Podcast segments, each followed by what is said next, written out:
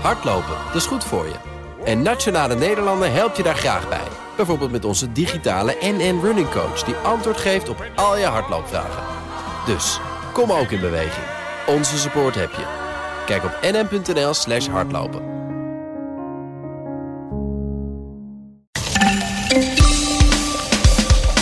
Door de gestegen grondstofprijzen vallen woningbouwprojecten duurder uit en worden ze soms zelfs afgeblazen. Je vindt nog steeds gevaarlijk roestvast staal in zwembaden op plekken waar dat niet mag. En je mag geen testen voor toegang en testen voor vertrek op dezelfde plek hebben, maar toch gebeurt het. Dit is Nieuwsroom, de dagelijkse podcast van het Financiële Dagblad en BNR Nieuwsradio met het nieuws verteld door de journalisten zelf. Ik ben Pauline Huuster en het is vandaag dinsdag 13 juli. Uh, Jan Braaksma, jij schrijft uh, bij het FD volgens mij officieel over detailhandel, maar inmiddels uh, heel veel over coronatesten. Ja, klopt. Ik ben even uitgeleend aan de collega's die over corona schrijven, omdat het, nou, er gebeurt veel. het leek, leek even rustiger te worden, maar hier zijn we weer. Ja, en jij houdt het, hebt het vooral over test, nou ja, aanbieders van teststraten, vakantietesten, testen voor toegang, uh, dat soort zaken. En we gaan het nu hebben over een Amsterdamse teststraat die vakantie- en toegangstesten onder één uh, dak had. En dat mag officieel uh, niet. Hoe, hoe, begon dit verhaal eigenlijk? Nou, ik schrijf dus al wat langer over dat testen voor, testen voor toegang, omdat daar ook heel veel geld mee is gemoeid. Dus daarmee is het interessant ook voor het FD. Ja. Het kabinet heeft er tussen de 500 en 700 miljoen voor uitgetrokken. Nou, toen kwamen er nog die vakantietesten bovenop.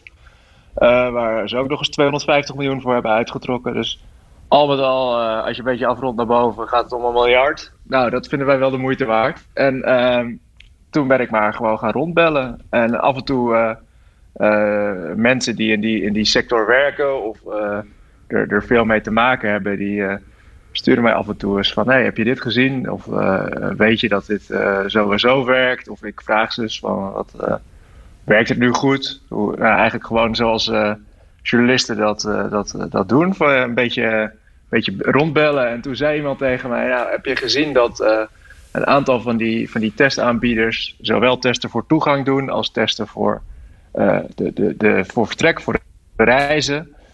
En dat eigenlijk niet mag. Nou, toen ben ik daar eens in gedoken en uh, daar rolde dit verhaal uit. Ja, want uh, laten we het even hebben over waarom dat dan uh, niet mag. Wat is de gedachte daarachter? Het zijn twee heel verschillende trajecten. Het ene is van de Stichting Open Nederland, dus testen voor vertrek of testen voor, voor toegang is van de Stichting Open Nederland. dat is die, die club van, van, was van Tom Middendorp, maar die is sinds, sinds een week of twee vertrokken daar. Um, nou, dat is een, een, een, aparte club. En daarnaast heb je uh, het ministerie van Infrastructuur en uh, Waterstaat. En uh, die hebben de vakantietesten geregeld. Dus het zijn twee verschillende dingen die ook hun, hun testaanbieders op twee verschillende manieren betalen. Dus bij testen voor toegang krijgen de testaanbieders een vaste vergoeding plus een variabele vergoeding per uitgevoerde test. Dus een vaste vergoeding voor het überhaupt hebben van de teststraat? Is dat, ja, ja. Uh, per, per plekje krijg je per dag een vaste vergoeding. Oké. En um, uh, het testen voor, voor de vakantiereizen gaat alleen een vergoeding per, um, uh, per uitgevoerde test. Ja, en op zich is, zijn dat dus ook heel verschillende modellen. En de angst is dat, dat die vaste vergoeding zo uh, ja, zo lucratief is voor een aantal mensen dat ze daar dus al hun huur voor kunnen betalen van die locatie. Uh, misschien al een deel van het personeel. Dus uh, er is een soort angst voor enige subsidie van het A naar B, waardoor als je beide doet, uh, dat je eigenlijk financieel uh, er veel beter uitspringt dan je, dan je concurrenten. En er dus grof geld verdiend kan worden als je die twee heel handig een beetje onder één dak doet en wat mensen uitleent. En daarom is het vrij strikt verboden om dat uh, te doen. Ja, en is het dan zo dat uh, dit vaak gebeurt? Want jij kreeg de tip, nou, uh, dit weet je dat er wel heel veel bedrijven zijn die dat in één hebben. Maar het artikel gaat dan over een Amsterdamse teststraat die volgens mij drie locaties had waar het uh, ja. samenkwam. Zegt dat dan dat het alleen daar misgaat? Of is dit het enige wat we tot nu toe hebben gevonden? Nou, er zijn meer testaanbieders die het doen of die het naar verluid deden. Maar dat heb ik niet kunnen controleren omdat die gegevens alweer van, van die boekingswebsites af zijn. Ja. Ehm, dus het schijnt vaker gebeurd te zijn in het verleden. En die testaanbieders zijn daar ook uh, op gewezen dat dat niet mag. Ehm, en een aantal doet het ook nog steeds. Alleen mag het als je locaties heel groot zijn. Dus als je een, een parkeerterrein hebt gehuurd bij een uh, evenementencentrum bijvoorbeeld. En je hebt links een test voor testen voor vertrek en rechts een tent voor testen voor toegang. Ja. Dan mag dat. Dan is dat wel op hetzelfde adres, maar zijn dat twee echt gescheiden trajecten. Dus, ja, dus er, zijn heel strikte voorwaarden. Ja. Precies, precies. Je moet elkaar niet tegenkomen. De ene ingang is, is links, de andere ingang is rechts. En er staan echt uh, verschillende. Uh, het is voor iedereen van, van, de, van de afstand duidelijk dat dat twee verschillende dingen zijn. Um, en hier in Amsterdam was ik toevallig zelf een keer geweest, omdat ik een avondje uit wilde. Mm -hmm. En dat toen nog een heel goed idee leek. toen, toen dacht ik, hé, hey, dit is wel een uh, dus ik kende die locatie. En toen iemand zei van hey, het gebeurt daar ook, dacht ik, nou, dat kan onmogelijk zo gescheiden blijven. Want het is gewoon een. Uh, was bij de, bij de Spuistraat, uh, midden in het centrum. Echt zo'n Amsterdams sluip door, kruip door. ja, kantoortje eigenlijk. Ja. En nou ja, toen, toen ben ik daar eens ingedoken. En blijkt inderdaad dat deze drie locaties uh, het wel aanboden. Dus uh, die twee testtrajecten en het ja, onmogelijk was omdat er maar één deur was, bijvoorbeeld naar binnen. En één ruimte waar die testhokjes waren en één aanmeldbalie. Was het onmogelijk om dat daadwerkelijk uh, te scheiden. Ja, en inmiddels is dat bedrijf volgens mij gestopt, toch? Met het combineren van die twee testen.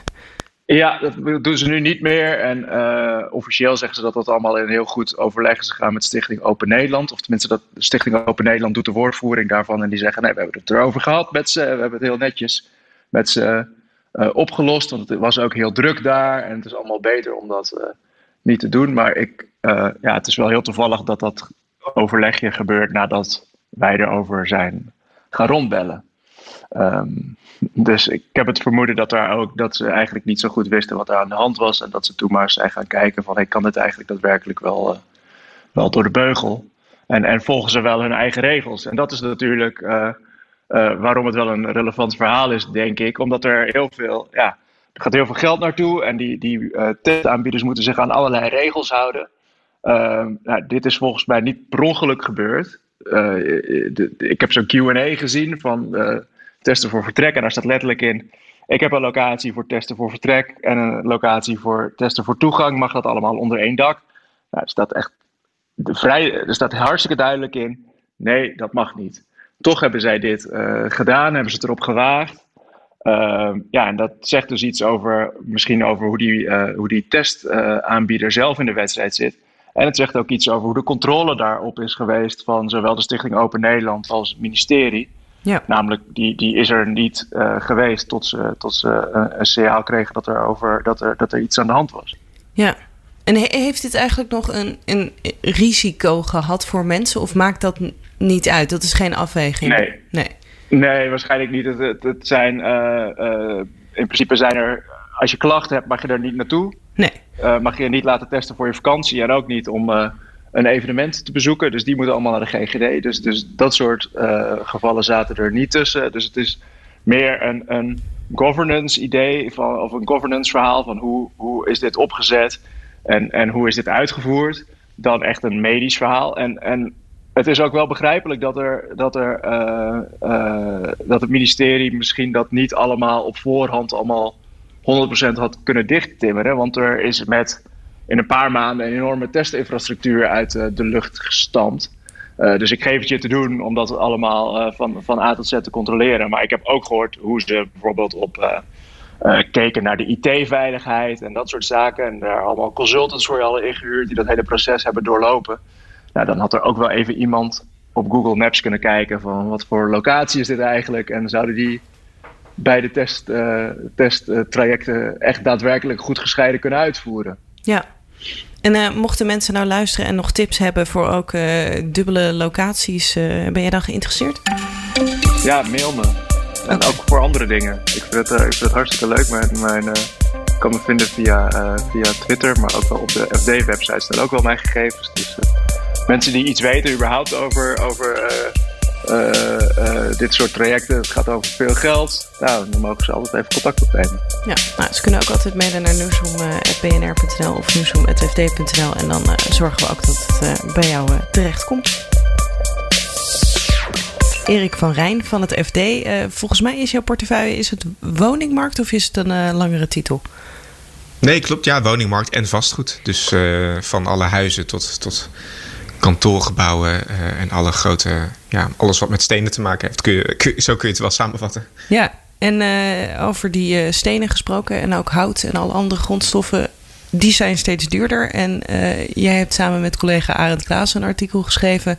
waaruit blijkt dat de woningbouw nu stagneert. Hoe, uh, hoe groot probleem is dat? Ja, nee, nou, de, de, de, het is voor, vooralsnog eh, best wel anekdotisch. Hè? Dat halen we wel aan. Maar je ziet wel dat, uh, dat, dat er steeds meer projecten zijn waar het, waar het echt een rol speelt. En ik ehm, kan me niet voorstellen dat het alleen bij de projecten blijft waar we het nu over hebben. Want um, die, die gestegen uh, grondstoffenprijzen en daarmee dus ook de gestegen bouwkosten, die, ja, die raken elk woningbouwproject dat op dit moment wordt geïnitieerd. En dat zijn er nogal wat, want we willen in Nederland. Uh, is tenminste de ambitie van links tot rechts om 1 miljoen woningen te bouwen voor 2030. Dus um, ja, die plannen die moeten nu wel ongeveer gesmeed worden. En dan, ja, dan kan het niet anders dan dat je rekening moet houden met, met, met die nieuwe gestegen, gestegen prijzen en het tekort aan materialen. Ja, en laten we het zo even hebben over die projecten, maar eerst nog heel even over die uh, grondstofprijzen. Uh, wat voor grondstoffen zijn gestegen in prijs en hoe groot is dat verschil ongeveer? Ja, dus nou ja, je hebt, je hebt het over uh, bijvoorbeeld over. Het gaat van, vooral de staalprijzen, die zijn heel hard gegaan. Dus mm -hmm. uh, bijvoorbeeld het staal dat nodig is voor het uh, wapenen van beton. dat is met de helft gestegen ten opzichte van een jaar geleden. Um, houtprijzen zijn overigens ook door het dak gegaan. De, die zijn nu volgens mij wel weer wat over hun top heen. Maar liggen nog altijd hoger dan iets van een kwart hoger dan, dan in de, aan het begin. Hallo Erik. Je bent even weggevallen. Hallo. Nee, Paulien. Ik viel Hallo. helemaal weg. Je viel helemaal weg. Ja, ik weet niet of het jou... Uh... Volgens mij was jij gebleven bij... Je was aan het uitleggen dat de houtprijzen uh, ontzettend waren gestegen. Nu iets minder werden, maar alsnog uh, een groot verschil met pre-corona. Ja, dat klopt inderdaad. En uh, hetzelfde geldt voor de staalprijzen. Die, die zijn ook flink gestegen. En dat, dat komt allemaal eigenlijk omdat uh, aan het begin van de lockdown... Uh, in, in, in, in maart, janu januari, februari, maart vorig jaar... Ehm, ja, toen keken we toch heel anders tegen de economie aan en wat er allemaal ging gebeuren met die pandemie. En alles zou stil komen te liggen. En we zouden een flinke krimp krijgen van de economie. Nou, die hebben we natuurlijk ook wel gezien. Ja. Uh, maar in de reactie daarop hebben heel veel producenten van staal en, en zagerijen ja, hun productie verlaagd of zelfs uh, stilgelegd. Um, ja, en dat heeft er dus eigenlijk voor gezorgd dat, uh, ja, dat er weinig meer uit die fabrieken kwam. Uh, dat er weinig meer geëxporteerd kon worden. Um, en dat terwijl uiteindelijk het allemaal wel meeviel met de vraag naar die producten. Uh, sterker nog, um, op de particuliere markt was natuurlijk een run op die bouwmarkten. Omdat ja, in die lockdown kon je niets. Maar ja, iedereen een van de dingen die je wel kon was je huis verspijkeren. Um, en vergeet niet dat er ook ongelooflijk veel mensen vorig jaar nog zijn verhuisd. Um, en ja, wat doe je als je een nieuw huis koopt? Ga je toch ook wel even klussen. Um, dus de vraag is eigenlijk wel op peil gebleven. En hetzelfde geldt voor de, de industrie. Of die is weer teruggekomen in ieder geval. en ja, dat leidt er eigenlijk toe dat je een soort van tekort hebt aan de hoeveelheid producten. Uh, terwijl er wel veel vraag is. En, en dus stijgen de prijzen nu. zeker nu de economie weer wat aantrekt. En de en de, er alleen maar meer behoefte is aan, uh, aan dat soort materialen, omdat we weer meer willen bouwen. En in Nederland bijvoorbeeld het woningtekort willen, willen oplossen door, uh, door, door een miljoen woningen te, neer te zetten in de komende, in de komende jaren. Ja, en jij bent dan uh, bij verschillende woningbouwprojecten uh, langs geweest, of in ieder geval gesproken, die dus problemen hebben door die uh, gestegen prijzen. Hoe, hoe, worden dan de huizen duurder of, of kunnen de projecten überhaupt niet doorgaan? Ja, ja, nou ja, eigenlijk is het, een, is het in die zin een heel, heel, heel simpel rekensommetje. Als je meer geld uit moet geven aan de, aan de, aan de materialen, ja, dan moet je ook dat compenseren op een of andere manier. Um, en dat kan bijvoorbeeld door meer uh, te gaan rekenen voor je huizen. Uh, je hebt bijvoorbeeld in Rotterdam een project, mm -hmm. uh, Sawa. dat is een van de eerste volledig houten torens van Nederland en van Europa, geloof ik zelf. Dat is een vrij ambitieus project. Ja.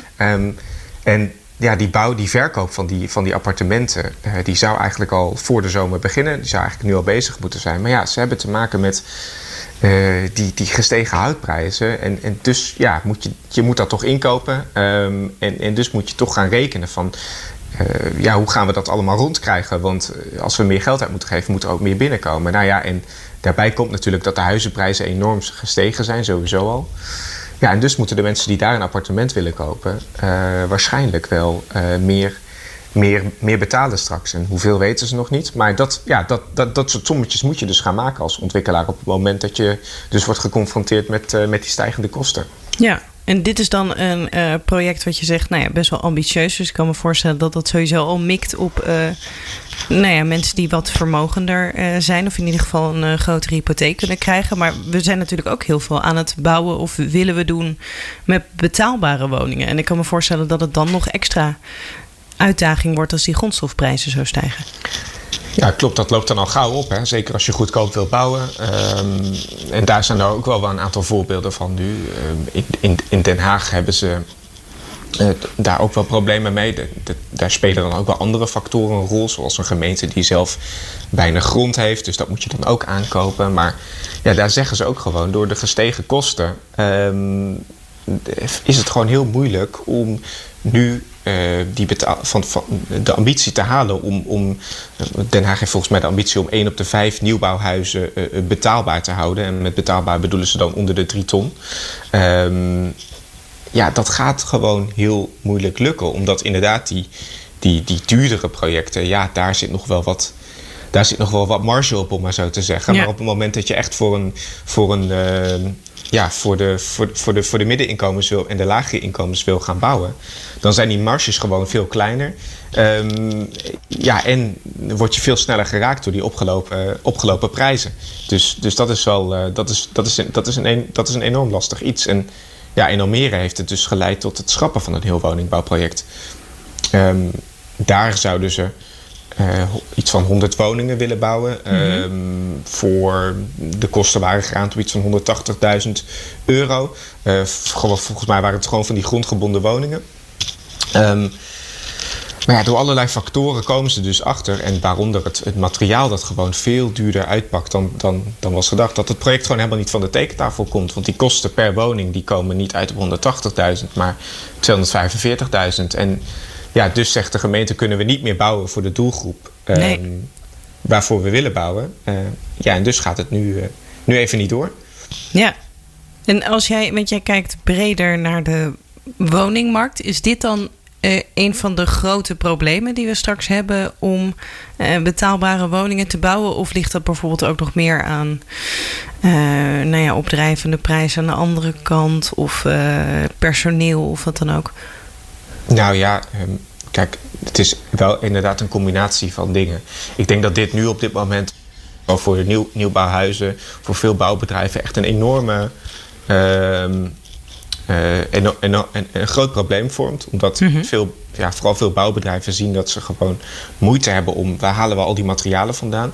En, en, en kunnen we dan ook dat doen tegen de prijzen die we, die we stellen.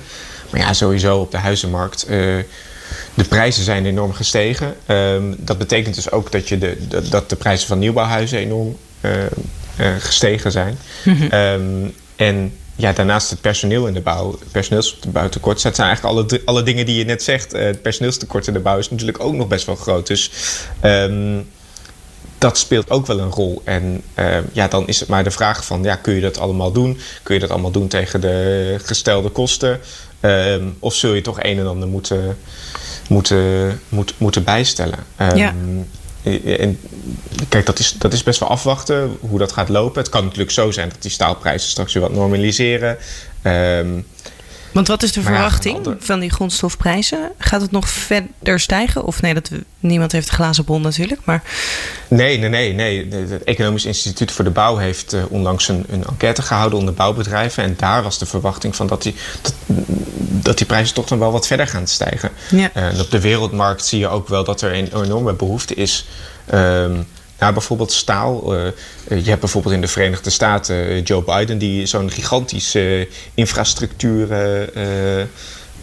investeringspakket heeft mhm. aangekondigd. Ja, nou, daar, daar zal de vraag waarschijnlijk ook wel toe gaan nemen. Um, er waren vorige maand verhalen dat China nu zelfs een exportverbod verbod wilde invoeren. En China is toch wel een van de grootste producenten van, uh, van, en exporteurs van staal. Omdat ze zeggen, zeiden van ja, dat hebben we uh, nodig uh, voor onze eigen industrie. Ja, het, zal, het zal als, als, als dat gaat gebeuren, ja, dan gaat die markt natuurlijk wel steeds meer op slot. En heb je te maken met, met een, nog wel een langere periode te maken met la, lagere prijzen. Um, aan de andere kant, als de productie wat, toe, wat, ja, wat toeneemt en alles wat normaliseert, ja, dan kan het, dan kan het misschien straks ook wel weer wat, wat, wat beter worden. Maar ja, het, het, het, het, het, uh, het onbevredigende antwoord is dat we het niet weten en dat we het zullen moeten, zullen moeten zien.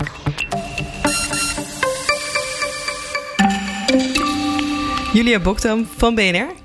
We gaan het hebben over zwembaden, want die houden zich niet aan veiligheidsregels. Welke veiligheidsregels hebben we het dan over?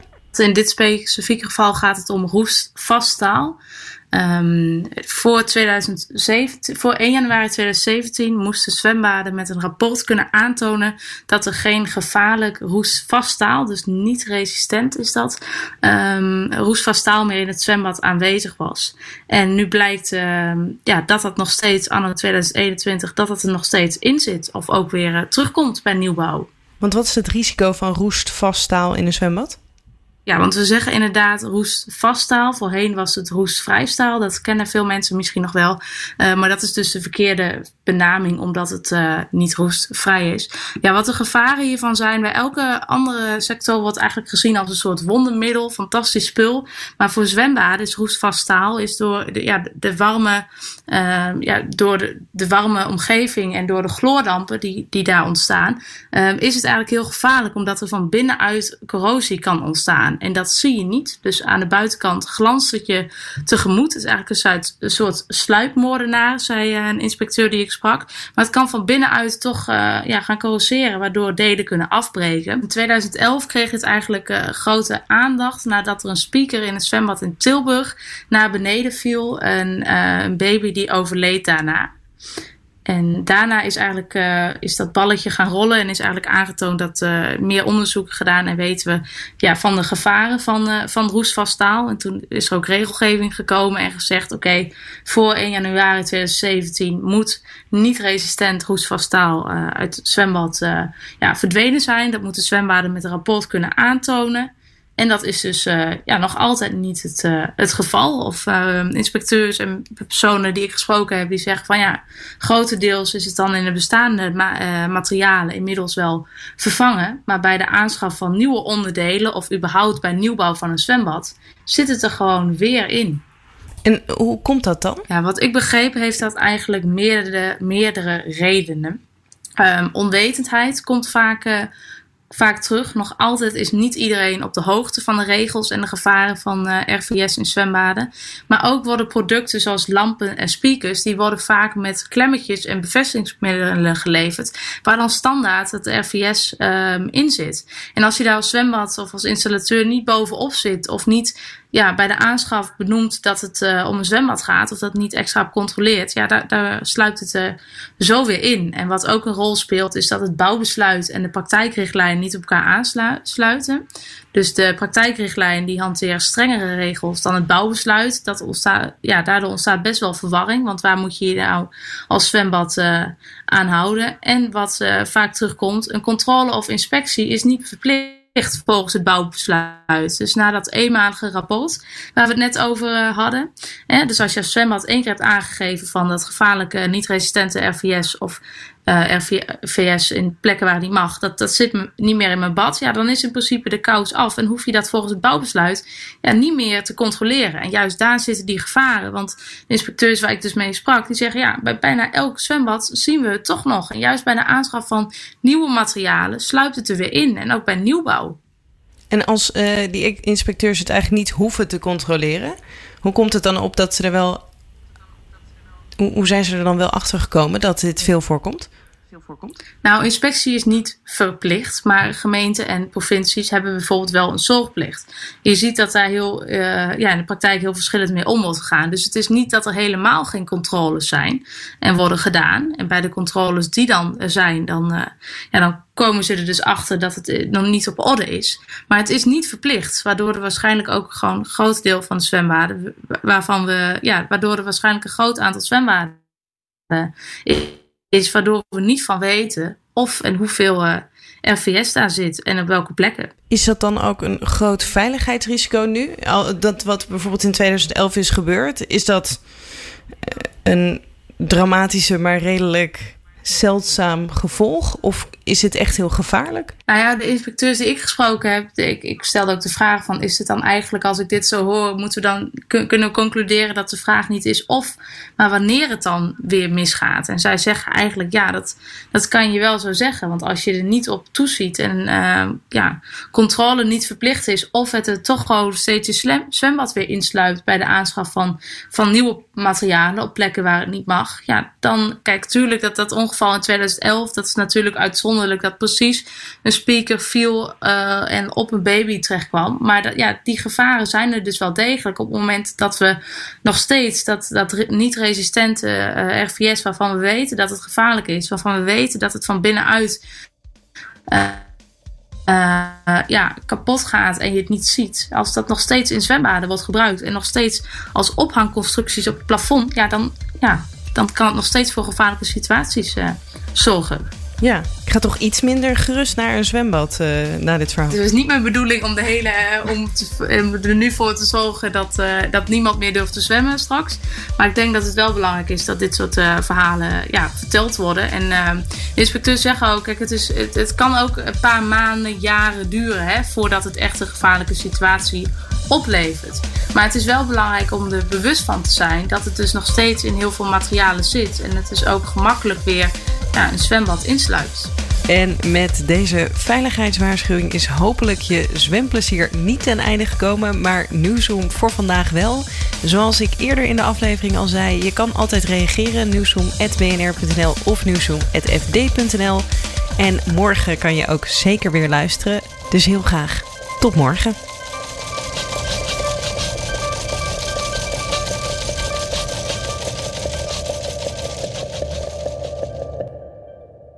Business Booster. Hey ondernemer, KPN heeft nu Business Boosters. Deals die jouw bedrijf echt vooruit helpen. Zoals nu, zakelijk tv en internet, inclusief narrowcasting... de eerste 9 maanden voor maar 30 euro per maand. Beleef het EK samen met je klanten in de hoogste kwaliteit. Kijk op kpn.com businessbooster. Business Booster.